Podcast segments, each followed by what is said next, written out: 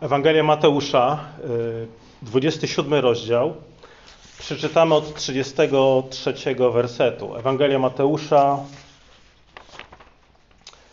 27 rozdział i 33 werset. A gdy przyszli na miejsce zwane Golgota, to znaczy miejsce trupiej czaszki, dali mu do picia wino zmieszane z żółcią i skosztował je, ale nie chciał pić. A gdy go przybili do krzyża, rozdzielili szaty jego, rzucając o nie losy. Po czym usiedli i pilnowali go tam. I umieścili nad jego głową napis z podaniem jego winy. Ten jest Jezus, król żydowski. Wraz z nim ukrzyżowali wówczas dwóch złoczyńców, jednego po prawicy, a drugiego po lewicy. A ci, którzy przechodzili mimo, bluźnili mu, kiwali głowami swymi i mówili: Ty, który rozwalasz świątynię i w trzy dni ją odbudowujesz, ratuj samego siebie, jeśli jesteś synem Bożym, i stąd z krzyża. Podobnie arcykapłani wraz z uczonymi w piśmie i starszymi wyśmiewali się z niego i mówili: Innych ratował, a samego siebie ratować nie może. Jest królem izraelskim. Niech teraz stąpi z krzyża, a uwierzymy w niego. Zaufał Bogu, niech on teraz go wybawi, jeśli ma w nim upodobanie. Wszak powiedział: Jestem synem Bożym. Tak samo urągali mu złoczyńcy, którzy razem z nim byli ukrzyżowani. Od szóstej godziny do godziny dziewiątej ciemność zaległa całą ziemię. A około dziewiątej godziny zawołał Jezus donośnym głosem Eli, Eli lama sabachtani, co znaczy Boże mój, Boże mój, czemuś mnie opuścił? Niektórzy zaś z tych, co tam stali, usłyszawszy to, mówili, ten Eliasza woła. I zaraz pobiegł jeden z nich, wziął gąbkę, napełnił octem, włożył na trzcinę i dał mu pić. A inni mówili, poczekaj, zobaczymy, czy Eliasz przyjdzie, aby go wyratować. Ale Jezus znowu zawołał donośnym głosem i oddał ducha. I oto zasłona świątyni rozdarła się na dwoje, od góry do dołu, i ziemia się zatrzęsła, i skały popękały. I jeszcze pierwsze dwa wersety Biblii. Księga Rodzaju, pierwszy rozdział, pierwszy werset. Na początku Bóg stworzył niebo i ziemię, a ziemia była pustkowiem i chaosem. Ciemność była nad otchłanią, a Duch Boży unosił się nad powierzchnią wód. I rzekł Bóg, niech stanie się światłość. I stała się światłość. Ojcze, dziękujemy Tobie, że Twój Syn, Jezus Chrystus, nasz Pan, umarł za nas, w nasze miejsce. I pragniemy, aby to nie była tylko jakaś teoria, jakaś daleka prawda o tym, co się wydarzyło kiedyś, ale by y, krzyż był tym drogowskazem naszego życia. Tak jak Paweł mówi, y, że żyje już nie ja, ale żyje we mnie Chrystus. Jego życie, tak jak czytamy w liście do Galacjan, jest życiem wiary, w wierze w ukrzyżowanego Syna Bożego. I tak jak apostoł chcemy też mówić, że nie chcemy głosić nic innego niż Chrystusa ukrzyżowanego. Dziękujemy Ci, Panie, za Twojego Syna, za to piękno Ewangelii. Amen. Nie bez przyczyny przy okazji Wielkiego Piątku przeczytaliśmy obok historii ukrzyżowania Jezusa dwa pierwsze wersety Biblii z Księgi Rodzaju. Jest w nich bowiem mowa o tym, jak wyglądał świat, zanim Bóg go stworzył. Jak wyglądał świat, zanim Bóg zaczął go porządkować. I dowiadujemy się, że kiedy Bóg stwarzał świat, nie uczynił świata doskonałym w mgnieniu oka. Bóg stworzył świat, który wymagał formowania, wypełniania, a przede wszystkim świat wymagał rozświetlenia. Czyli stworzenie y, zaczyna się, można powiedzieć, pośród ciemności. Światło, y, tutaj jeśli chodzi o ciała niebieskie, słońce i tak dalej, pojawia się czwartego dnia, czwartego dnia stworzenia. Bóg przekazał stworzonym, stworzonym światłom, czyli słońcu, księżycowi, gwiazdom, rolę właśnie utrzymywania świata. Yy, umieścił je na firmamencie niejako jako zegary do utrzymywania, odmierzania czasu, żeby rządziły dniem i nocą. Czyli na początku opisu stworzenia mamy ciemność. Stworzenie zaczyna się, kiedy ciemność ustępuje miejsca światłości. Czyli Bóg nie tworzy ludzi, zwierząt i roślin w ciemności. Najpierw czytamy, że stwarza światło. I pojawienie się światła oznacza życie. Natomiast odwrotnie, kiedy światło gaśnie, a nad światem ponownie zalega ciemność, jest to znak końca czegoś. Tak? Kiedy na dworze robi się tak jak teraz, powoli robi się coraz ciemniej, to jest znak, że kończy się dzień, że niedługo Pan Bóg powie wam, nam wszystkim dobranoc. Kiedy kończy się życie, ubieramy się w czerń, na przykład na pogrzeby. Yy, kiedy w Biblii mamy tak język, że słońce, księżyc, gwiazdy gasną, spadają z nieba, to jest symboliczny język. Nie chodzi o to, żebyśmy teraz spoglądali dosłownie, że, że, że, że księżyc będzie spadał, gwiazdy. To jest język, symboliczny język, e, że dzieło stworzenia postępuje w odwrotnym kierunku. Zbliża się kres. A do, do, do, dokładnie w kontekście, kiedy te urywki są podane, kres pogańskich władców, kres narodów. Prorocy wiele razy opisywali sąd Boży, nad niewiernym Izraelem i nad pogańskimi narodami, używając metafory ciemności. Na przykład Księgę Ezechiela, 32 rozdział, 7 werset. Gdy będziesz gasł, to jest pieśń żałobna nad Faraonem, zakryje niebiosa i zaćmię ich gwiazdy. Słońce zasłonie obłokiem, a księżyc nie zabłyśnie blaskiem. Czyli ta ciemność na niebie jest znakiem sądu Bożego, jest znakiem końca jakiegoś etapu, kresem narodów. Izajasza 50 rozdział, 30 werset. Zahuczy nad nim w owym dniu jak huczy morze. Gdy spojrzeć na ziemię, oto niepokojąca ciemność i światło przyćmione przez ciemne obłoki. To jest też opis sądu Bożego nad Izraelem. Księga Sofoniasza 1,15, podobny język. Dzień ów jest dniem gniewu, dniem ucisku i trapienia, dniem huku i hałasu, dniem ciemności i mroku, dniem obłoków i gęstych chmur. To jest, słuchajcie, język końca, zapowiedź końca czegoś. I nie bez przyczyny śmierć w Biblii jest wyrażana przez ciemność. Czerń to jest kolor żałobnych szat. I kiedy Jezus mówi o ludziach wydanych na wieczną śmierć, kiedy mówi o piekle, opisuje je jako miejsce zewnętrznej ciemności, kiedy słychać płacz i zgrzytanie zębów. Czyli ciemność oznacza brak życia, brak stworzenia, i śmierć. I kiedy Mateusz tutaj w Ewangelii w 27 rozdziale relacjonuje, że Jezus, y, że je, kiedy Jezus wisiał na krzyżu, czytamy, w pewnym momencie następują słowa, że zapadła ciemność. Na trzy godziny, w środku dnia, Jezus wisi na krzyżu, pośrodku całkowitej ciemności. Czyli pamiętając o tej symbolice nocy ciemności, można powiedzieć, że kiedy Jezus umiera, stworzenie postępuje w odwrotnym kierunku, aniżeli w Księdze Rodzaju. Tam postępuje od ciemności do światła, od niebytu do życia. Tutaj mamy odwrotnie. Kiedy Jezus umiera, mamy ten pochód od światła do ciemności, od życia do śmierci. Tak jak z nastaniem światła świat zaczyna istnieć, tak z nastaniem nocy ciemności, można powiedzieć, świat się kończy. I z tej ciemności, kiedy Jezus wisi na krzyżu, dobiega donośny głos. Przemawia Bóg, przemawia Syn Boży na krzyżu. I to również jest nawiązanie do historii stworzenia świata. Kiedy świat był bezkształtny, pusty i ciemny, Pan Bóg, można powiedzieć, ze spokojem w głosie mówi: Niech stanie się światłość. I w opisie stworzenia tak się dzieje, tak? Światłość powstaje, kiedy Bóg przemawia. Natomiast w ciemnościach Golgoty też przemawia cierpiący, też przemawia Bóg, ale Bóg cierpiący i przemawia inaczej. Jego słowa nie wydają się być takim spokojnym dekretem stworzenia. Niech stanie się światłość, niech ziemia zaroi się od stworzonych istnień.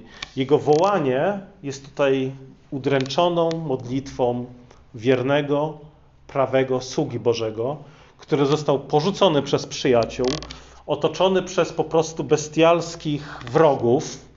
Jego ręce zostały przebite, jego szaty zostały zdjęte i rozdzielone między wrogów. I to wołanie Jezusa na krzyżu w ciemności to nie jest spokojne wołanie Boga, jak w Księdze Rodzaju, który tworzy świat. To jest krzyk bólu. To jest wołanie człowieka przytłoczonego ciemnością ale w ten sposób Bóg ją pokonuje. Jezus pokonuje ciemność, wchodząc w ciemność, Twoje miejsce, zamiast mnie i Ciebie. Czyli kiedy mówimy o męce pańskiej, o cierpieniu Jezusa pośród ciemności na krzyżu, to słuchajcie, to jest właśnie ten najstraszniejszy aspekt krzyża, męki pańskiej. Ciemność związana z doświadczeniem opuszczenia przez Boga. To jest, słuchajcie, najstraszniejszy aspekt piekła. Egzystencja, bo nawet nie chcę powiedzieć życie. Istnienie bez, bez, bez Boga. I to był, słuchajcie, najczarniejszy aspekt śmierci Jezusa. Nie fizyczne cierpienie, chociaż myślę, że na przykład taki film jak Pas, y, Pasja bardzo dobrze oddaje ten fizyczny aspekt cierpienia Jezusa. Ale słuchajcie, to nie było najstraszniejsze, co się działo na krzyżu. Nie fizyczna śmierć. Fizyczna śmierć Jezusa była tak naprawdę ulgą, była końcem, zakończeniem cierpienia, które wiązało się raczej z tym, że Jezus na krzyżu cierpiał z powodu opuszczenia przez Ojca. Tak jak mówił Boże, czemuś mnie opuścił, e, z powodu Twoich i moich win, które dźwigał w tym momencie na sobie. To było, to było najgorsze. Dlatego, że właśnie to życie w grzechu, bez Boga, to jest, to jest życie, to jest, słuchajcie, to jest to jest życie w dezintegracji, to jest życie w nieprzyjaźni z Bogiem, ze sobą samym, to jest życie w odczłowieczeniu. Dlatego, że każdy z nas został stworzony, żeby mieć więź z Bogiem. I tylko wtedy możemy znaleźć prawdziwe zaspokojenie. Jeżeli żyjemy bez Boga, żyjemy w jakimś wyobcowaniu, w jakimś, jakimś niezrozumieniu nawet samych siebie. Że nawet, nawet moje ja jest dla mnie kimś obcym. Jestem dla siebie kimś obcym. Już nie mówię o, o, o tym, że Bóg jest kimś obcym, ale sam dla siebie jestem obcy, wrogi, bliźni. I wołanie Syna Bożego na Golgocie dobitnie pokazuje, daje nam do zrozumienia, czym jest ta ostateczna ciemność. To jest głos kogoś, kto z miłości do Ciebie wszedł w ciemność. I ten głos krzyża w ciemności też przypomina nam inne biblijne wydarzenie, kiedy zapadła ciemność, kiedy zgasły wszystkie światła i nastała śmierć. To nas przenosi do wydarzenia już też znanego w Biblii. Chodzi o przedostatnią plagę w Egipcie. Plagę ciemności, która ogarnęła właśnie całą ziemię egipską. I Księga Wyjścia, 20 rozdział, 21 werset, opisuje tą ciemność tak, jakby ją można było odczuć, dotknąć. Przeczytam ten werset. Wyjście 10:21. Rzekł Pan do Mojżesza: Wyciągnij rękę swoją ku niebu i nastanie nad całą ziemią egipską ciemność, tak gęsta, że można będzie jej dotknąć. I wyciągnął Mojżesz swoją rękę ku niebu i nastała gęsta ciemność w całej ziemi egipskiej przez trzy dni. Tak, zobaczcie tutaj kolejna analogia do śmierci Chrystusa. Trzy dni. Trzy dni. Trzy dni ciemności. Tutaj mamy trzy godziny ciemności na krzyżu. Trzy dni w grobie Chrystusa. I teraz w czasach Jezusa właśnie Izrael, Izrael stał się takim Egiptem, który walczy z Synem Bożym, walczy z Bogiem. I Bóg Izraela zsyła plagę ciemności, podobną do plagi ciemności, która dotknęła Egipt.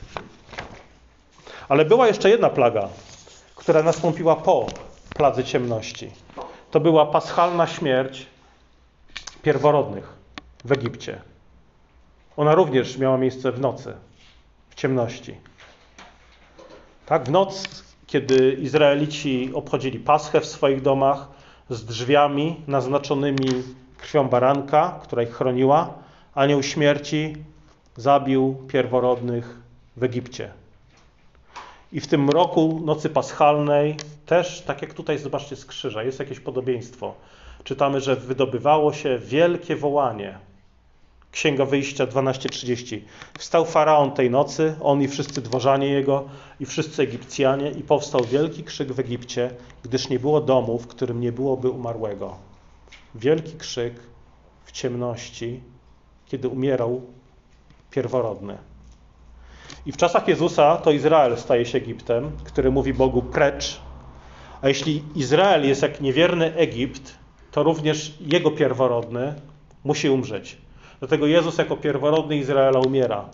Krzyk z krzyża w ciemności to jest głos lamentu i gorzkiego płaczu.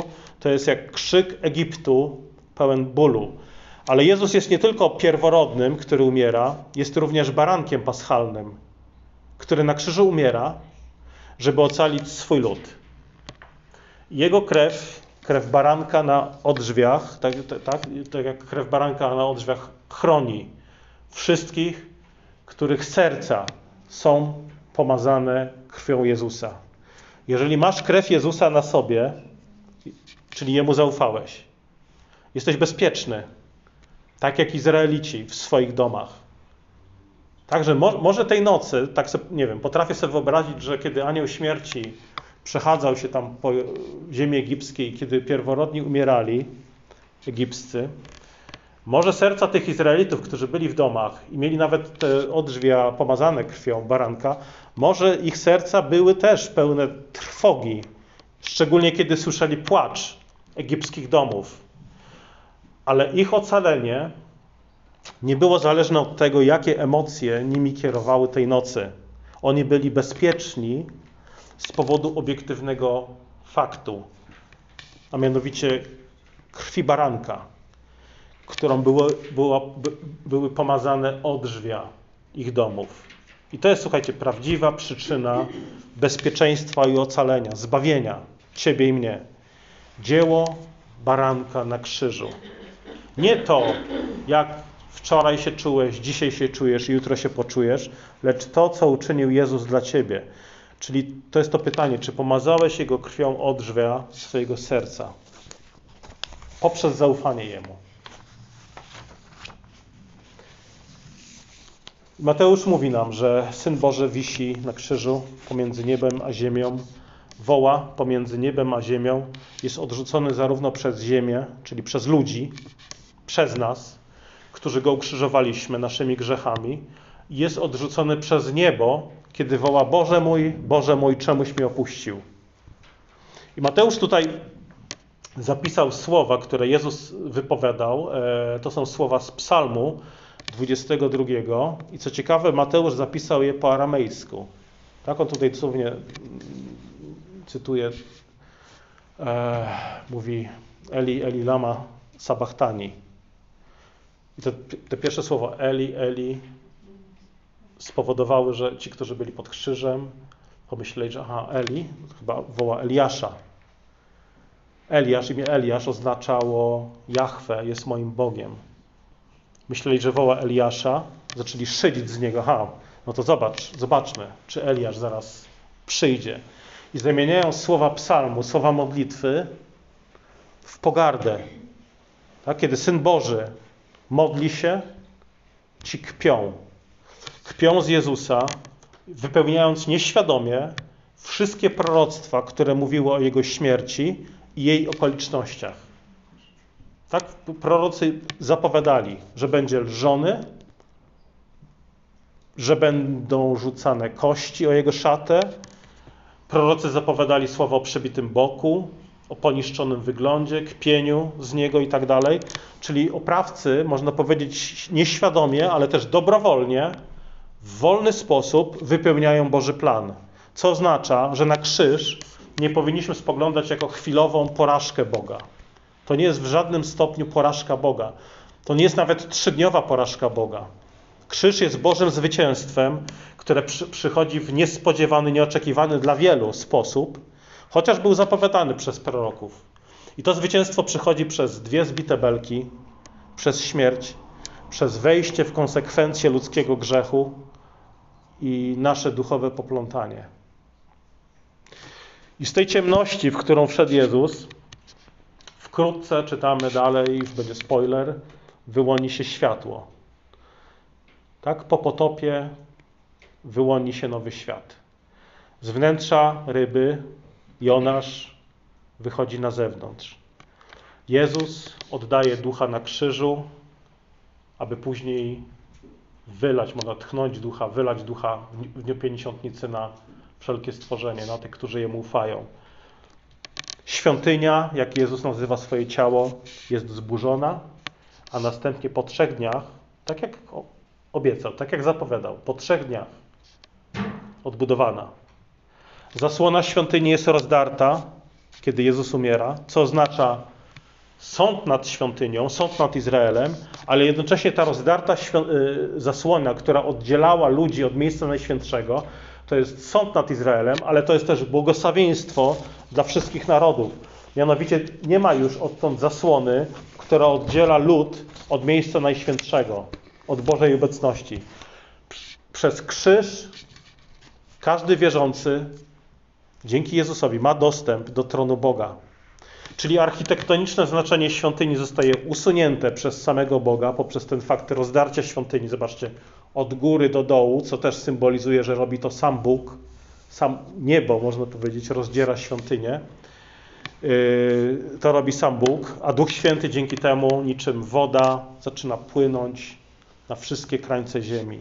Czyli Bóg, którego obecność była w szczególny sposób manifestowana w świątyni, teraz można powiedzieć, wychodzi, wychodzi ze świątyni i udaje się na cały świat. Dzisiaj nie musimy jechać do Jerozolimy, ale tam, gdzie dwóch lub trzech, tam, gdzie Kościół się gromadzi w imię Chrystusa, On jest pośród nas. Kiedy Bóg stwarzał świat, przemówił spokojnym głosem: Niech stanie się światłość. Kiedy Bóg stwarza nowy świat, robi to inaczej. Przechodzi przez ciemność, zniszczenie, ból i pośród tej ciemności i bólu woła. I co prawda ten krzyk Jezusa z krzyża nie sprawia, że tak jak w Księdze Rodzaju czytamy, że momentalnie stało się światło. Ale jednak słowa Jezusa z krzyża zmieniają świat, zmieniają rzeczywistość. A dowodem jesteś Ty. Dowodem jestem ja. Słuchaj, jesteś, jesteś owocem drzewa krzyża. Bóg z krzyża stwarza świat na nowo. Oczywiście dzieje się to w innych okolicznościach niż w Księdze Rodzaju. Stwarza świat w momencie, kiedy ciemność, nie tylko tak jak w Księdze Rodzaju, ciemność, tam można powiedzieć, że ciemność e, to jest taki brak widzenia, brak kształtu. Natomiast ciemność na krzyżu ma wymiar etyczny. I w tej ciemności Chrystus na nowo stwarza świat. Stwarza Kościół, stwarza Ciebie, mnie. Czyli dzisiejszy świat powstał z krzyża. Został uformowany na krzyżu. I on wciąż będzie, to nie jest koniec. On wciąż będzie formowany przez ukrzyżowanego Boga, tak jak pierwsze stworzenie. Tak? Kiedy Bóg mówił, niech stanie się światłość, potem stworzył e, ciała niebieskie, rośliny, zwierzęta, ludzi i tak dalej, to pierwsze stworzenie ono było dobre, ale nie było skończone, nie było idealne, dlatego że człowiek miał jeszcze uprawiać świat, miał czynić ziemię poddaną, miał ulepszać świat, naśladując w tym Boga. I tak samo my. Mamy czynić ziemię, narody uczniami Jezusa. Ale już dzisiaj możemy widzieć, że świat jest przebudowywany, zmieniany przez krzyż. Dowodem tego jesteś Ty, dowodem tego jest Kościół, uczniowie Jezusa, których życie, małżeństwa, rodziny są przemieniane, dzięki którym wiele wytworów ludzkiej kultury jest przemienianych przez krzyż właśnie. Nasze życie, życie człowieka może być trwale przebudowane i przemienione tylko przez krzyż. Nie wolno nam go omijać, jeżeli pragniesz prawdziwie żyć.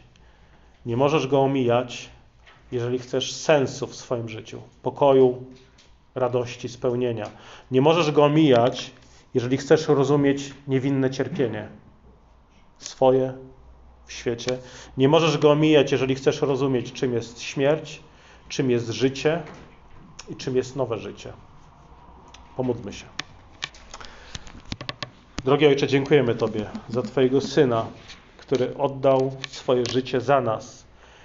Dziękujemy Tobie, Panie, za to, że ocaliłeś nas, że w krzyżu widzimy, Panie, siebie, widzimy nasz grzech, potworność naszego grzechu, że nie jest to jedynie jakiś, jakiś błąd, coś neutralnego, jakaś pomyłka, ale jest to coś naprawdę ze wszechmiar, coś, co niszczy naszą więź z Tobą, niszczy ludzi, niszczy nasze życie.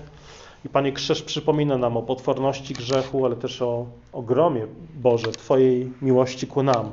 Ty, Panie, nie pozostawiłeś nas na pastwę naszych występków, ale Twój Syn poniósł ciężar naszych win. I tak jak czytamy, był opuszczony przez niebo i ludzi, szydzono z niego, nawet wtedy, kiedy się modlił z krzyża. I Panie, dziękujemy Ci, że pośrodku tej ciemności, ciemności krzyża, też wyłania się nadzieja, wyłania się światło, wyłania się nowe życie. I dziękujemy Ci, że również i my możemy być właśnie tym owocem krzyża z Twojej łaski. Panie, to nie jest nasze dzieło, tak jak dzieło zbawienia, dzieło wiary od początku do końca jest Twoim dziełem w nas. I za to, Panie, chcemy Cię uwielbiać, chwalić i dziękować. Amen.